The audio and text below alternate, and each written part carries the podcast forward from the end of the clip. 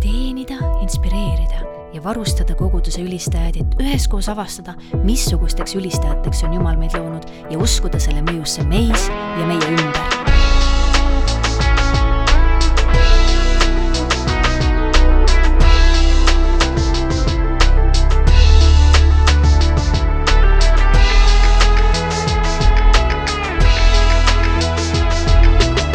inspireeriv ülistus olete kuulamas saadet Inspireeriv ülistus. mina olen Ragne Kivimets, ülistusmissionär Eestis ja täna oleme rääkimas teemal meeskond ja selle kasvatamine. minu kõrval siin laua taga istuvad suurepärased ülistajad, inspiratsiooniks minule endalegi ja mul ongi suur rõõm neid tutvustada.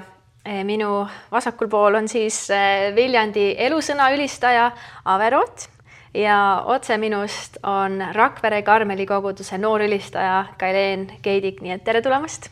tere. minu poolt ka tere meil on erinevaid ülistuskogemusi koos olnud, Avega oleme koos ühes meeskonnas olnud, ülistusalfa Viljandi korraldamisega.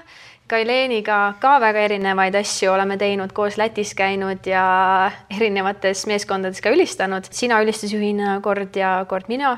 nii et oleme vahetanud neid rolle, aga esmalt tahakski, et eh, kirjeldaksite, võib-olla Ave, sina alustad, kuidas sina üldse tulid ülistusmeeskonda, missugused olid sinu esimesed sammud sinna ja kuidas sinu roll on kasvanud aja jooksul? ma hakkan itsitama kohe, sest see oli päris naljakas ausalt öeldes.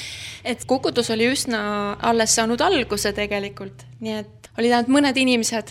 kui pastor sai teada, et ma olen klaverit õppinud, siis ta nagu lihtsalt küsis kuule, kas oleksid nõus siis natuke siin klaverit mängima ja laulma natukene? noh, ma ei tea, proovime nice. ja tegelikult naljakas on see, et nagu ju ülistuses ma ei teadnud ju mitte midagi, eks ole. ja vast päästetud, no päris muidugi mitte mm. järgmisel päeval, et kui vana nagu... sa siis olid? ma sain üheksakümnendal aastal päästetud, üheksakümmend üks äkki siis äh, ma arvan, kuskil niimoodi oli siis pastor nagu kutsus kakskümmend ja üks või kaks või midagi no. nii. nii et sul on kuskil kolmkümmend aastat kogemust juba? tuleb nii välja. vägev, vägev, okei okay.. jaa, aga siis oligi põhimõtteliselt, ma mitte midagi ei teadnud, natuke klaverit oskasin, ühesõnaga, see oli minu algus. Okei okay,, Kailen ja see on nii äge, kui Avel on umbes kolmkümmend aastat kogemust, siis mul on umbes kolm aastat kogemust või neli aastat. ma mängisin ka klaverit natuke, nii et mul on vist natuke sarnane lugu isegi.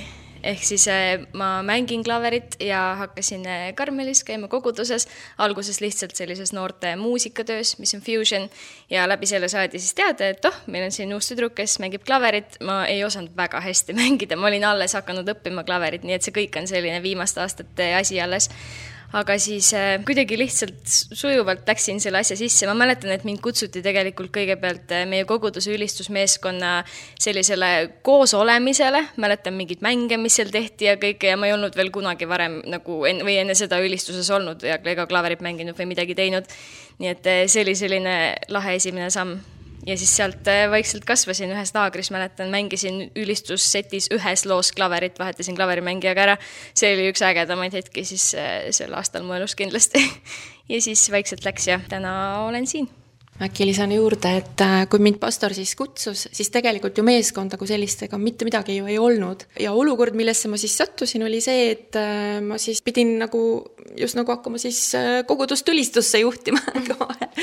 et nagu selline vette viskamise mhm. hetk. kui suured on täna teie ülistusmeeskonnad üldse? sest Kailen, sina oled täna aktiivne tegija, sa mängid mm -hmm. nii klaverit kui ka, kui ka juhid ülistust Äh, Ave on praeguseks, mille juurde me hiljem tuleme, Ave on praegu, praeguseks tegelikult selle ülistusmeeskonna juhtimise ja ülistusjuhtimise ka üle andnud enamasti, eks ole. et aga, aga kui me praegu vaatame meeskondi, et kui suur on teie Karmeli koguduse meeskond umbes?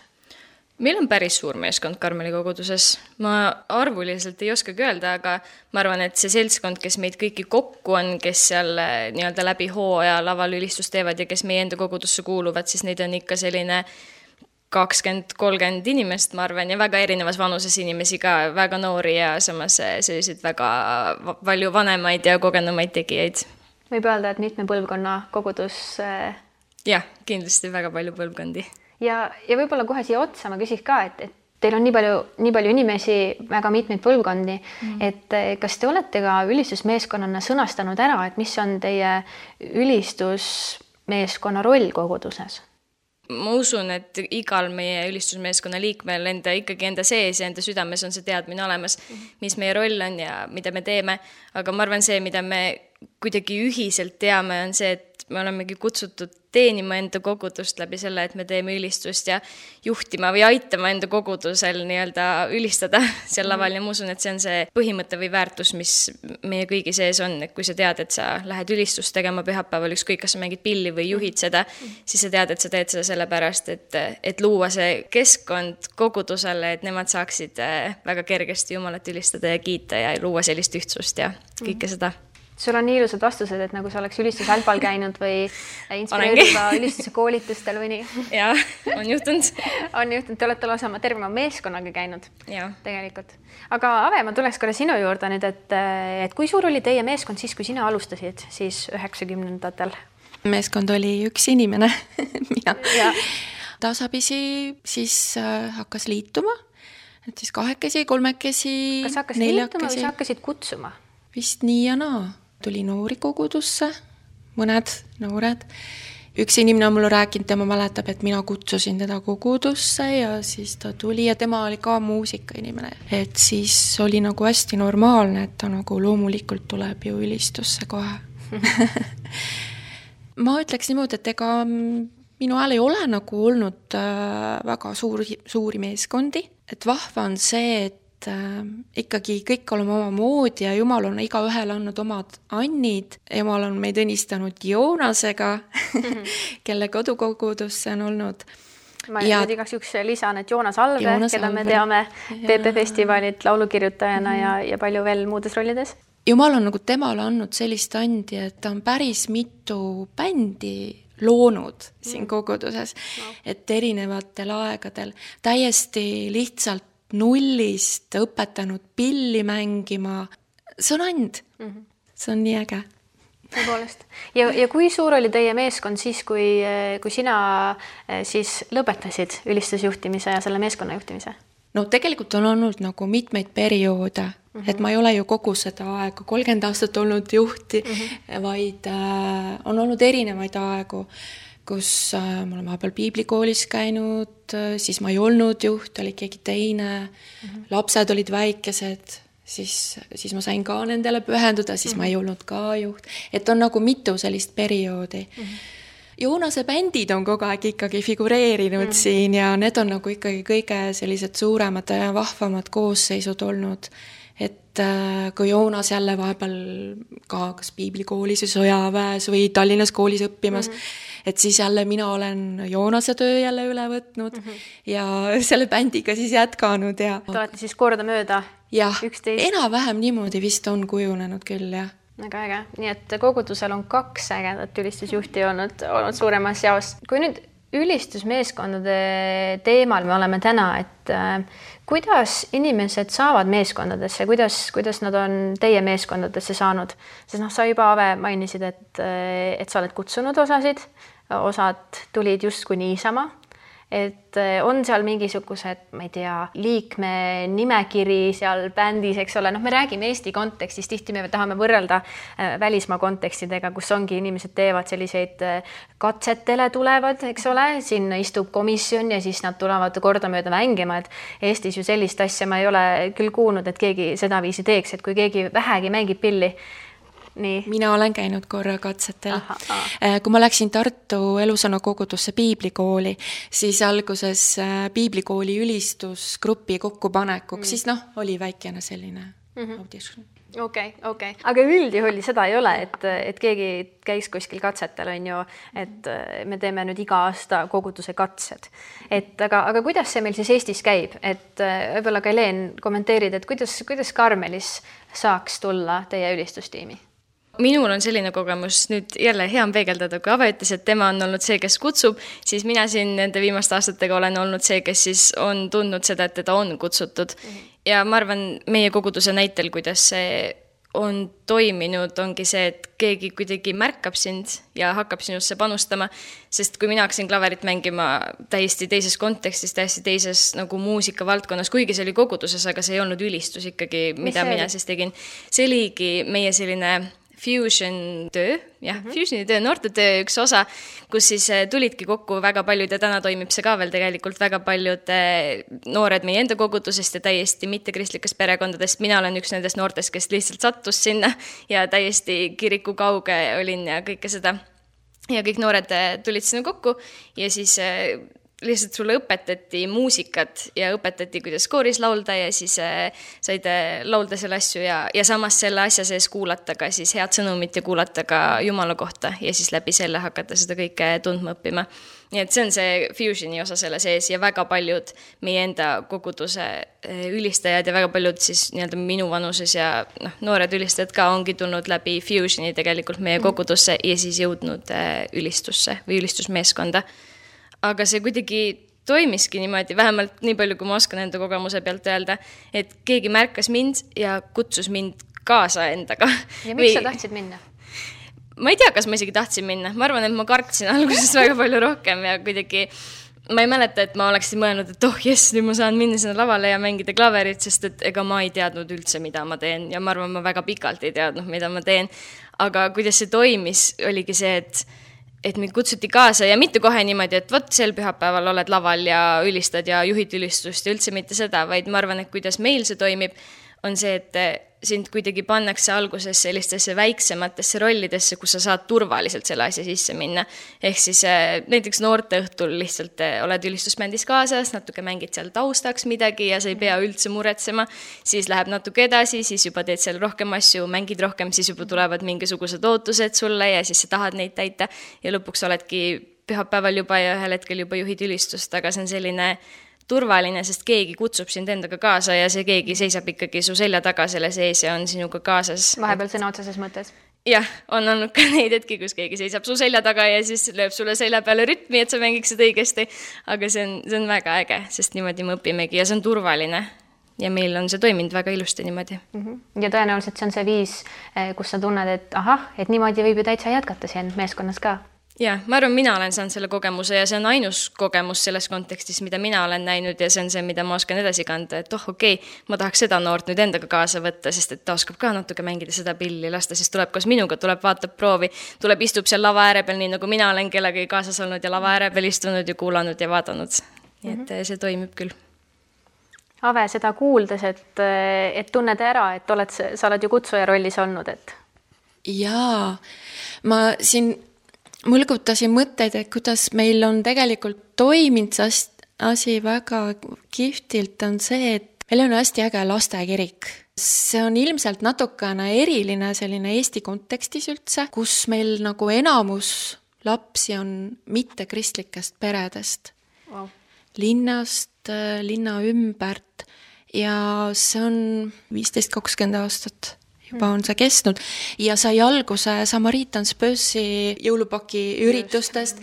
nii et äh, see oli meie koguduse suur väljapoole suundumine, tegime Migueli etenduse, nüüd noored tegelikult ju, äh, millal see siis oli, alles hiljuti, mõned aastad tagasi taaselustasid selle Migueli etenduse, aga siis äh, jah, me nagu lõime selle, seal on laulud seal on väike koorikene, ühesõnaga meil oli Tugalas olid vinged etendused täismajale, no see oli selline aeg lihtsalt, et mm -hmm. inimesed tulid, tahtsid pakki saada ma ei tea, kas nüüd enam pakiga meelitaks kedagi, eks? ei tea.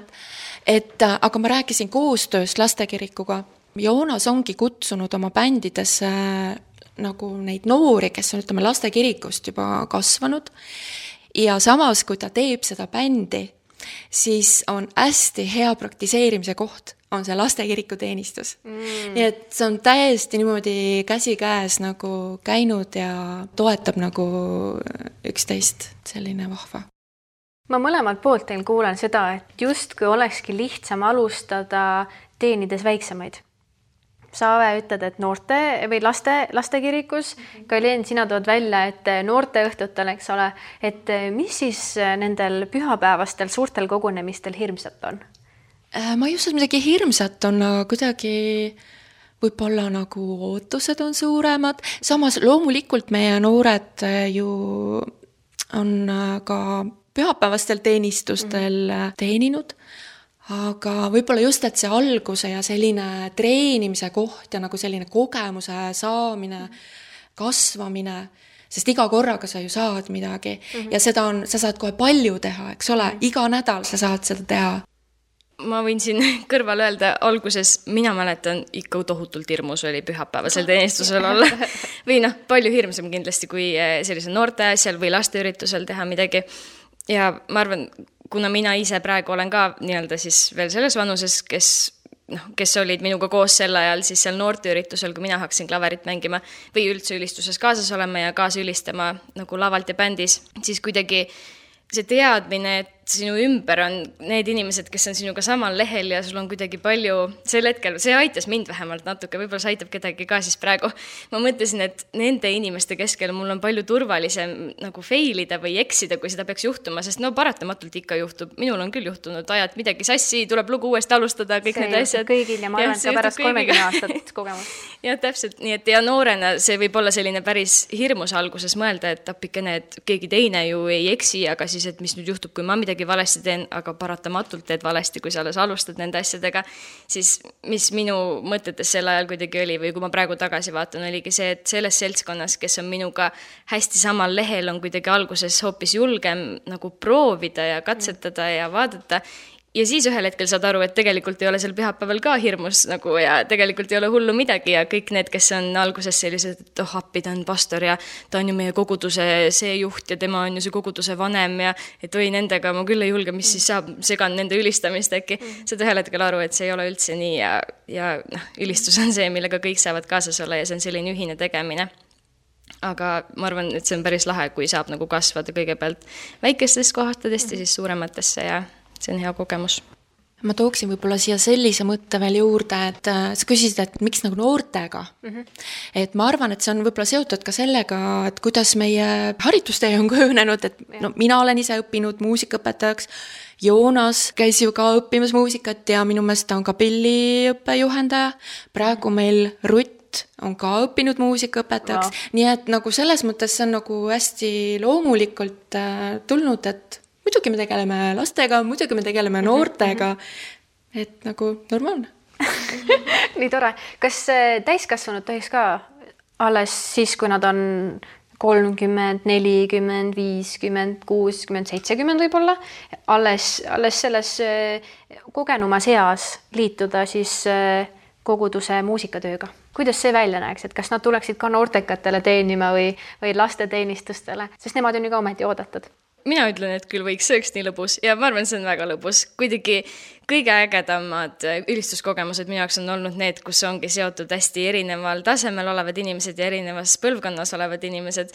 ja see on nii lahedalt julgustav, kui sa saadki olla näiteks, ma ei tea, esimest korda pühapäevasel teenistusel ülistusbändis ja siis samal ajal see keegi, kes on sinust seal kakskümmend, kolmkümmend aastat vanem, võib-olla ka on alles nüüd tulnud selle teenimise sisse ja on ka seal esimest korda, aga teil mõlemal on kuidagi teineteisele midagi anda või, või teineteist kuidagi julgustada ja minu meelest see on nii lahe. ja sa võid igal hetkel hakata Jumalat teenima või kuidagi noh, Jumalal on ainult hea meel sellest mul tuli meelde, et me oleme teinud, äh, see on nagu, nagu projektidena niimoodi, näiteks jõuluks sai selline pakkumine tehtud sest tegelikult äh, ma tean, et meie koguduses on päris palju musikaalseid inimesi. et aga, aga võtke siis oma pere kokku ja tehke perega koos midagi. ja oligi meil üks konkreetne te-, äh, jõuluteenistus. Joonas pani oma pere koori kokku, noh, ansambli. ema, isa, vanaema wow. ja, ja laulsid mitmehäälselt, a capella mm. ja mitu perekonda tegelikult äh, nii et selle üleskutse peale minu Amsterdami kogemusega on see, et äh, meil tuli äh, flöödimängija, kes oli ka, ma arvan, et kuuekümne aastaselt astus ta siis ka ülistusmuusikabändi meil ja väga tore oli.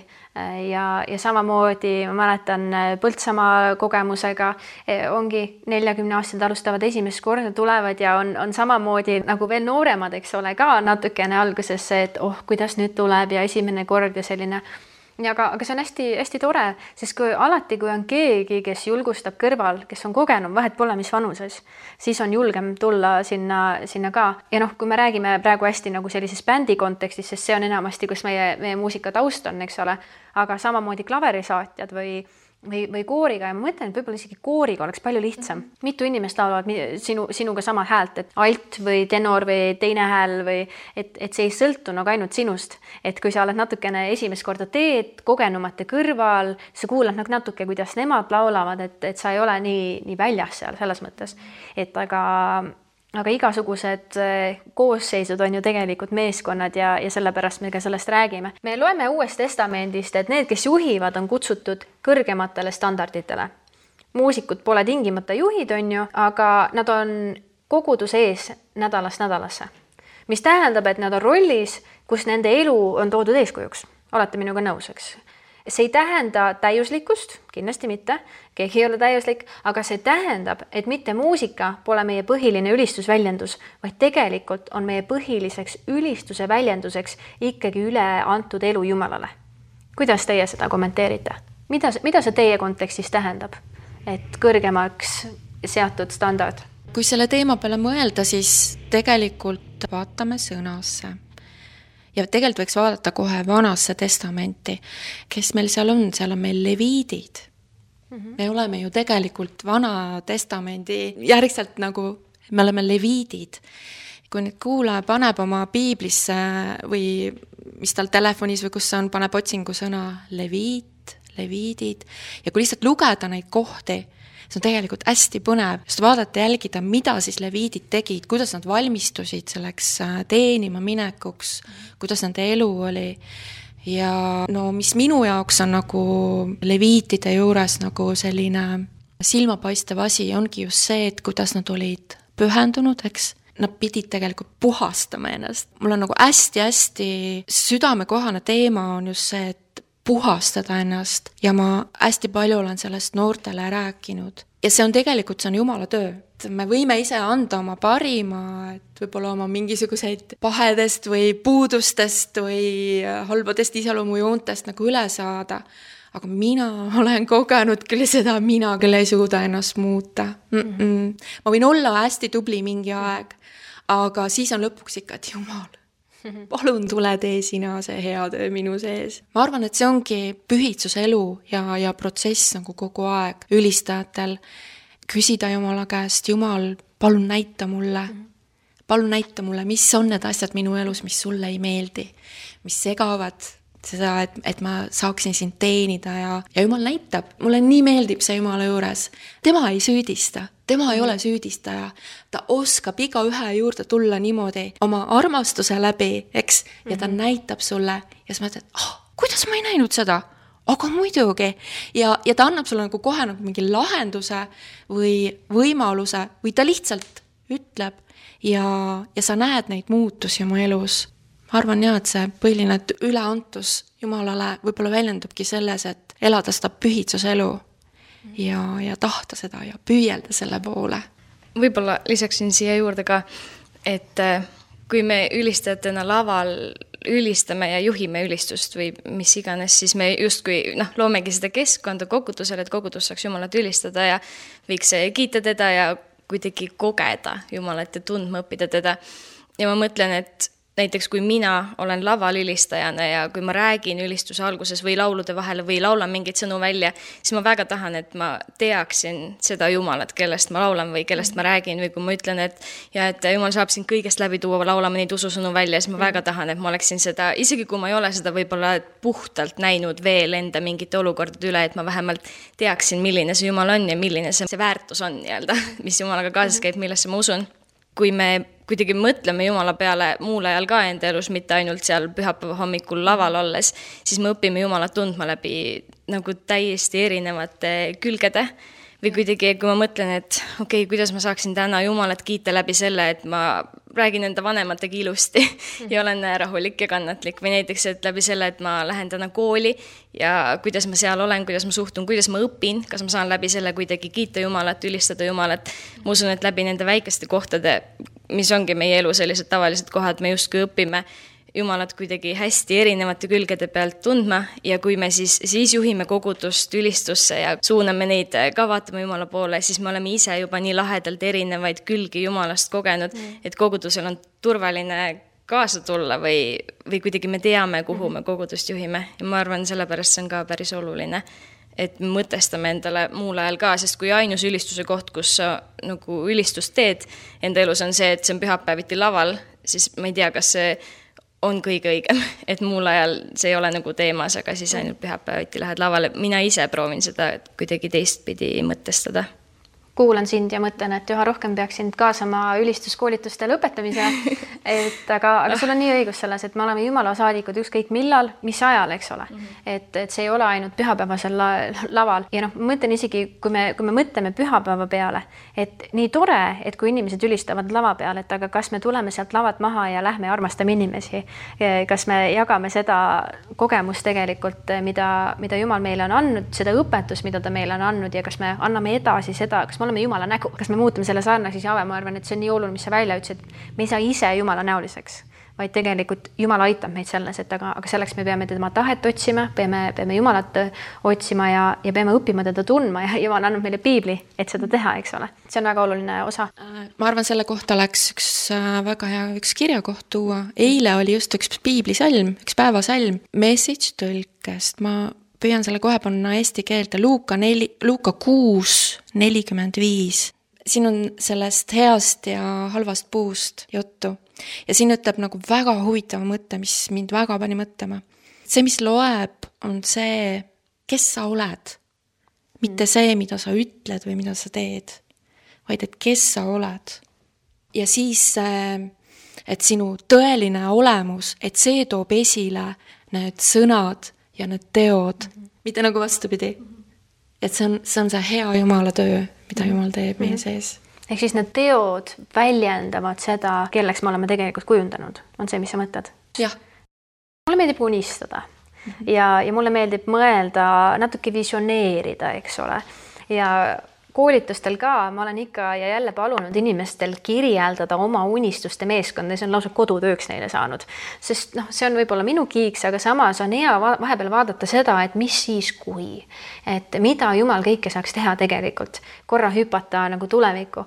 ja siin äh, tahaksin kuulajatele ka väljakutse tuua, kes sa meid täna kuulad, pane kirja, milline on sinu unistuste meeskond võib-olla sa ei ole ülistusmuusikaga seotud, võib-olla sa ei ole isegi ma ei tea, võib-olla oled sa sattunud kuulama, ei ole isegi kirikuga seotud, aga, aga see meeskond, kus sa täna oled, eh, võib-olla see on sinu pere kui meeskond või, või on see sinu töö juures eh, kollektiiv, et pane kirja, milline on sinu unistuste meeskond ma siia tooksin äh, Ülistusalfa kodutöödes, neid on olnud äh, ligi kaheksa erinevat koolitust ja nendest olen ma välja noppinud ja kokkuvõtteid teinud, et millest siis ülistusmuusikud unistavad, missugustest meeskondadest.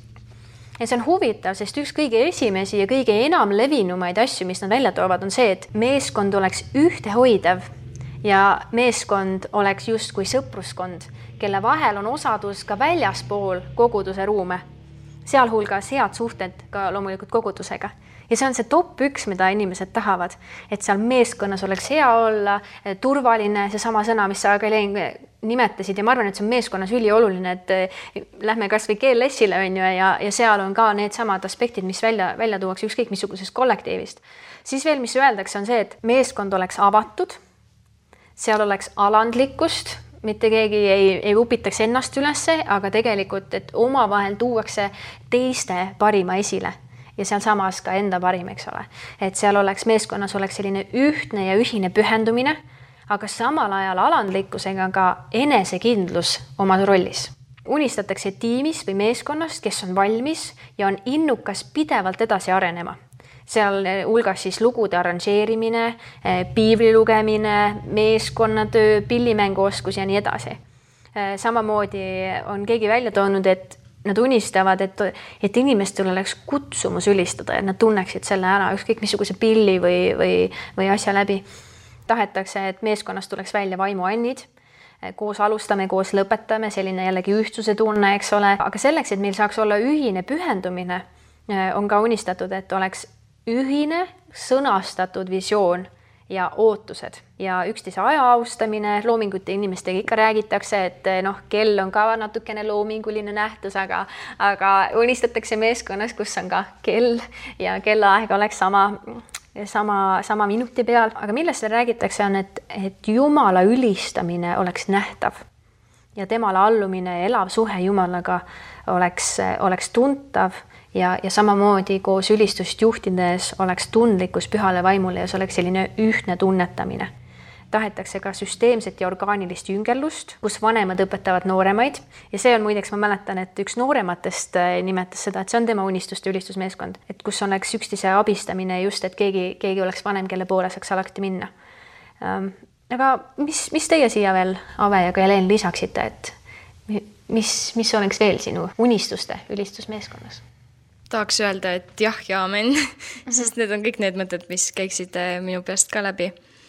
ma arvan, minu unistuste meeskonnas võikski olla väga palju turvalisust ja kuidagi selline kultuur oleks äge, mida ma olen näinud meie enda meeskonna pealt ka, on see, et äh, see on oluline, et sul on keegi, kes sinusse panustab ja keegi, kellesse sina panustad.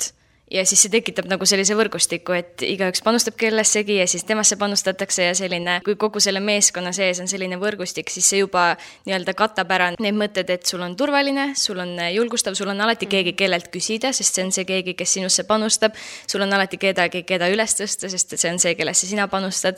ja ma arvan, et need kuidagi käivad väga kaasas sellega ja samas, et seda tuleb teha teadlikult. võib-olla selline teadlikkus oleks ka minu unistuste ülistusmeeskonna üks osa, et me teadlikult panustame kellessegi, me teadlikult küsime küsimusi teineteiselt, ka raskeid küsimusi, teadlikult oma eluga ülistame muul ajal ka ja jälgime seda ja, ja teadlikult armastame teineteist ja teadlik jüngerlus ja holimine ja kõik need asjad siin on ju, ju väga-väga palju ja head juba öeldud. võib-olla ma lisaks sellise asja, et äh, mis ma ise kogenud nagu oluline, see on ikkagi na natukene nagu treening ka, et sa õpid minema Jumala ligiollu, õpid nagu sisenema sellesse voolamisse, et oskad ammutada värskust Jumala käest, värskeid ideid, inspiratsiooni. Ja nii äge oleks ka spontaanselt koos helistada.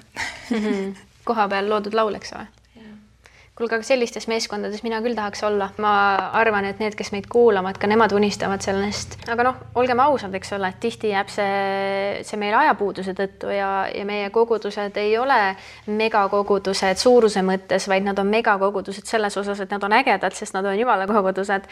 et aga, aga noh kui me vaatame kasvõi teie Viljandi Elusõna kogudust või, või Karmeli kogudust Rakveres, siis inimesed ei teeni mitte ainult ühes valdkonnas, vaid tegelikult päris mitmes. Ja see tähendab seda, et ettevalmistustöö on päris mitmetes, eks ole, et kuidas seda aega leida, sest sest inimestel on ka tavatöö pere, eks ole, siis on ka võib-olla mõni käib hoopis koolis, et, et seda aega leida ja sellist unistuste meeskonna loomine, ma ütleks, et see ei ole võimatu, aga see on rohkem aeganõudev ja vajab sellist strateegilisemat lahendust või, või sellist lähenemist, et, et sinna, sinna jõuda. et, et ei saa homme kohe visiooni ära sõnastatud, et teeme terve päev otsa, lähme kuskile väljasõidule, eks ole, vaid, vaid see vajab pikat planeerimist. see vajab, see vajab inimestega suhtlemist, see vajab äh, osaduse loomist, see vajab Jumala otsimist väga-väga kindlasti, eks ole. meeskondades siin on ka välja toonud see, et tagasiside on oluline, et see, et meil, meil tekiks osadus, see, et meil tekiks sõpruskond, on meil vaja tegelikult rääkida asjadest et äh, kuidas siis teie oma kogemusest öeldes, kuidas anda meeskonnas tagasisidet ja võib-olla ka, et kuidas seda mitte teha kuidas mitte teha. see, mida te täna tegite, oli täielik jama. oi ei jõudnud mitte kuskile.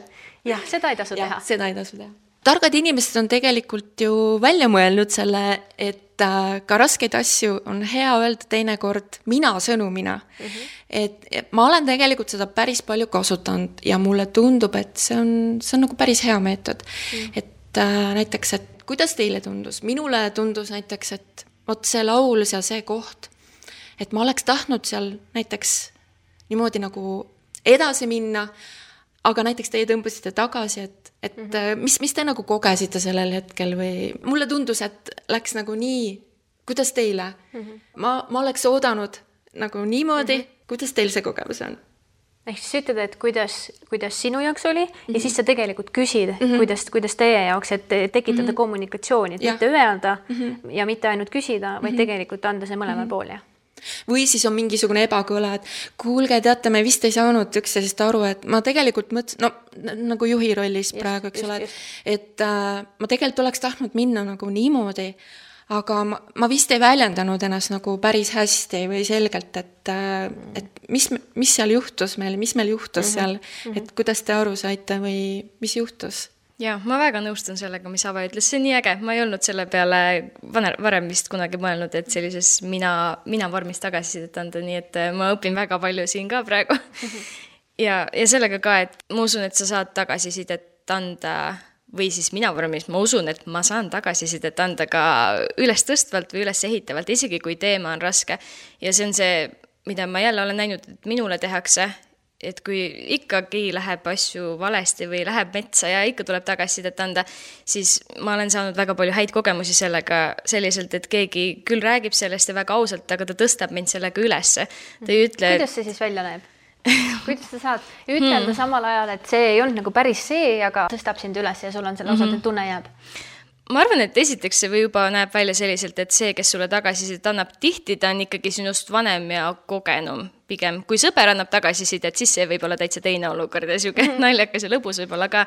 aga see keegi, kes on sinust vanem ja kogenum, ma arvan, mis aitab selle sees, on see, kui ta teadlikult justkui tuleb sinu tasemele, ehk siis, kui ta annab sulle tagasisidet, räägib sulle, et kuule, et okei okay,, et ma ei tea, see, see lugu nüüd vist ikka ei läinud päris hästi või et noh, seal läks nagu midagi valesti, siis ta ei räägi seda mitte selles kontekstis, kuidas see oleks võinud olla või kuidas peaks olema, vaid ta tuleb su tasemele ja ütleb, et tead, ma saan aru küll, see on täiega raske lugu ja täiega tubli, et te seda proovisite teha või milles iganes see olukord seisneb. Ja kuidagi on sinuga samal lehel, mõistab sind ja samal ajal võib-olla ei ütle, et noh, et proovi siis järgmine kord paremini, vaid pigem, mis on kõige ilusam, mida sa saad öelda või mida siis mina ise ka saaksin öelda enda meeskonnaliikmetele, on see, et et mitte, et tee siis järgmine kord paremini, vaid tahad, ma aitan sind, proovime järgmine kord koos ja mhm. proovime järgmine kord paremini mm. -hmm. et see kuidagi jätab sellise, sellise hoitud tunde ikkagi sisse, et okei okay,, ma nagu, mul läks valesti ja ma tahan järgmine kord paremini, aga ma tean, et ma ei pea kartma ja üksinda proovima, vaid mul on keegi, kes,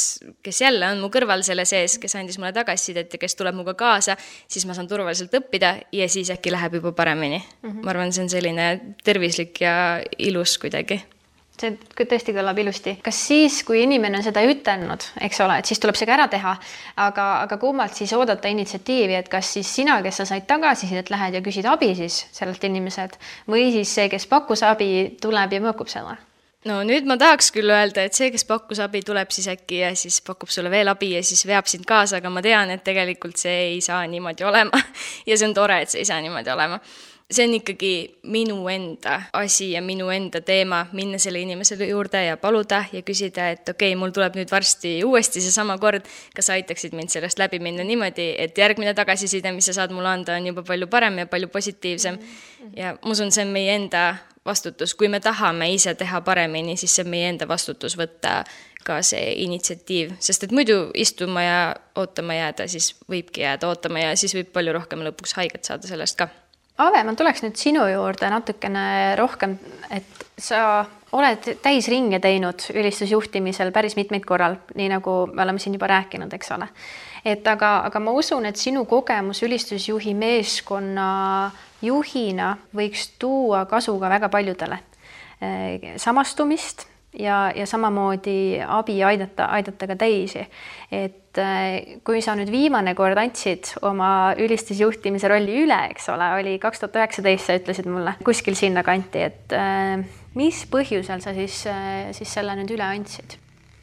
ma arvan nüüd tagantjärgi ma oskaks palju rohkem sellest nüüd rääkida, tol hetkel lihtsalt nagu ise ka ei saanud aru, mis toimub minu elus et praegu ma tagantjärgi võin öelda, et ma nimetaks seda mingil moel nagu läbipõlemiseks ja isegi mingisuguseid mõningaid depressioonisümptomeid, võiks nimetada, et aga sellel ajal ma päris hästi ei saanud aru, et mis minuga toimub. muidugi mul oli elus nagu raske periood ka selles suhtes, et mul isa jäi haigeks ja ja ta suri, ma arvan, see kuidagi nagu võib-olla vallandas selle, aga tol hetkel ma lihtsalt äh, ei osanud nagu muud välja mõelda, kui ma lihtsalt mõtlesin, ma lähen rääg-, räägin pastoriga. et ma ise ka ei saa aru, see ei ole nagu okei okay,, mida ma tunnen. mis sa siis tundsid sellel ajal? ma arvan, kaks nagu põhilist asja, mis mind nagu väga häirisid ja mis ma tundsin, et ei ole nagu, see ei ole üldse mina. et kui olid sellised pingelised olukorrad või isegi täitsa lihtsalt, see lõpuks oli lihtsalt kui see, et kui ma mõtlesin, et nüüd vaja ülistusproovi minna, siis see tekitas minus sellise pinge nagu tõusis nii, nii suureks või selline nagu mingi ärevus, vererõhk nagu läheb nii kõrgeks, nägu hakkab punetama ja mingi selline, vot ma ei oska seda päris hästi nagu seletada ka mhm. praegu aga see, see ei ole nagu okei okay,, mis toimub. ja teine asi, võib-olla see, et nagu raske oli teha raske oli nagu alustada mingeid asju, kas mingit lillepeenart teha või, või helistada juuksurile, aega panna kinni. et nagu raske oli nagu ette võtta mingeid asju, ma mõtlesin, et see ei ole mina üldse. et ma ei, ma ei tunne ära, aga õnneks on nagu praegu selline tendents, et üldse räägitakse palju vaimsest tervisest ja noh, tavameedias, Eesti Televisioonis, eks, ja kuskilt mulle hakkasid jääma kõrvu sellised asjad, mis ma tundsin nagu enda puhul ära ja siis mõtlesin, et ei, see ei ole nagu õige. ja, ja läksin, rääkisin mm. pastoriga, et tead, ma ei oska sulle päris täpselt mm. öelda, mis see on, aga ma nagu, ma ei saa nagu ma ei, ma ei saa praegu üldse, ma ei saa juhtida seda ülistust mm. ja ma ei saa seda tiimi juhtida praegu. ma ei oska sulle seletada, aga ma ei tea, mis me teeme mm. -hmm. mis ta vastas sulle selle peale? Ega ma päris sõna-sõnalt ju ei mäleta, aga ma püüdsin talle ka kirjeldada, mis, mis ma nagu kogen ja mis ma tunnen. ja tegelikult huvitav on see, ta jumal ju teab kõike, meist, kõigist teistest. jumal teab ja ta näeb kõike, mis toimub meie sees. jumal valmistas ise juba lahenduse mm.. nii et äh, Joonas oli tulemas Viljandisse, ma ei mäleta praegu, kas ta juba oli või, või oli veel tulemas, aga selles mõttes nagu lahendus oli nagu kohe olemas ja pastor ütles, et no võta siis lihtsalt aeg maha praegu mm.. et nagu see oli nagu nii okei okay,, võta siis aeg maha mm.. et praegu Joonas on tulemas ja palume siis Joonasel võtta üle see töö. see oli vist kõige parem toetus, mis oh, sellel ajal sai anda. muidugi, see koorem oli nii ah,, selline kergendus oli kohe yeah. jah, et nüüd on juba üle aasta sellest mm., siis isegi kaks mm -hmm. aastat äkki juba möödas sellest mm. -hmm ma ei ole koguduse, kogudust teeninud ülistusega. teistel, kes on meeskonnas, on, neil on võimalus olnud sind teenida selles valdkonnas, kus ja. sina nii ise nii mhm. ustavalt mm -hmm. ja pühendunult oled tegelikult kaasas olnud. ma võin tegelikult öelda sellise asja, räägin ka, et ma kirjutasin, et ma ei, ma ei osanud ise ka seletada, mis minu sees toimub ja ma ei olegi neid asju rääkinud mm -hmm. võib-olla mõnele üksikule inimesele, ega kogudus tegelikult ei teadnud mm -hmm. mitte midagi ja selles mõttes nad ei saanud aru, miks nüüd nii, Ave, kus sa nüüd oled, miks, miks sa ei, miks sa ei tule helistama, et nad kogu aeg ikka julgustasid mind ja et tule ikka ja. ma isegi võin öelda, et ma mingi paar korda vist proovisin, aga ma kogesin, et ma ei, ei, see ei ole nagu möödas, et ma ei saa nagu, ma ei saa mhm. praegu ma ei saa. -hmm. et ma pean olema kõrval praegu. aga see muidugi ei tähenda seda, et ma omaette omal ajal lihtsalt ei ülistaks Jumalat, et need on need kõige mõnusamad mm, -hmm. mõnusamad hetked. ja ma arvan, et see on see, mida meeskond saab, saab teha inimestele mm, -hmm. kes, kes nii ennast tunnevad mm. -hmm tulla ligi, toetada mm, -hmm. ütelda, et võta siis see aeg maha mm, -hmm. me, mhm. me kanname seda mm, -hmm. ise tule ja me teenime sind hoopis. Mis, mis sa soovitaksid neile, kes täna ära tunnevad, et ahah, ma ka ei tea täpselt, et mis midagi tundub nagu valesti, aga ma ei teagi, ma ei teagi, mis see on. aga peaks ikka rääkima, et kes kogudus on, pastoriga kindlasti või kristlasest spetsialiste, psühholooge kuskil lähikonnast võtta suurtemates kogudustes või kui meie kuulajatest on keegi, kes tunneb ennast ära, siis äh, võin ka öelda, et mina olen selles kohas olnud ja Aega oleme jaganud neid läbipõlemise kogemusi natukene, eks. et äh, kui te ei tea, kellega rääkida, siis võtke minuga ühendust ja äh, võin teile anda mõne kristliku psühholoogi numbri, kontakti ja, ja samamoodi julgustan teid rääkima oma pastoritega, oma juhtidega, kes, kes teil seal on. Te ei pea selleks olema ülistusjuht või üldse juht koguduses, ei pea isegi olema muusik, võite olla olla äh, laulja, võite olla liige, kes käib koguduses. aga see on see võimalus, kuidas kogudus äh, võib, võib teie, teie kõrvale tulla ja teid toetada ja, ja, ja palvetada teie eest ka nüüd lõpetuseks vahetame tooni ja, ja me teame, et meeskond äh, alati on selline orgaaniline, no enamasti on, ja tahaks tuua midagi, mida uued muusikud, ülistajad võiksid õppida. Nii et selleks äh, ma palungi teil lõpetada minu lause. oma teenimise alguses ma oleks tahtnud teada, et ma oleks tahtnud teada, et äh, meeskonnas on alati neid, kes on sinust juba jõudnud kaugemale, on alati neid, kes on sinust äh, mitte tagapool, aga nii-öelda vähem olnud selle sees, kui sina oled olnud. Ja et see on täiesti okei. okay ja meeskonnas ega ka minu enda sees ei tohiks olla kohta võrdlemisel, vaid peaks olema koht koostööl ja kõige rohkem võib-olla seda, et see koht, kus ma täna olen, isegi kui ma võib-olla eile alustasin ja ma ei tea veel väga palju, siis see on täiega eriline, see on täiega kordumatu ja sada protsenti usun, et Jumal saab kasutada nii mind, kes ma alles alustasin, kui teda, kes ta on kolmkümmend, nelikümmend aastat juba ülistust teinud täpselt sama palju. Nii et eh, lihtsalt väärtustada ja fännata täiega seda kohta, kus me täna oleme ja tahta ka samas edasi liikuda. ma oleks tahtnud teada seda, et teenimine on üks pidev otsimine ja otsimine ja otsimine ja otsimine.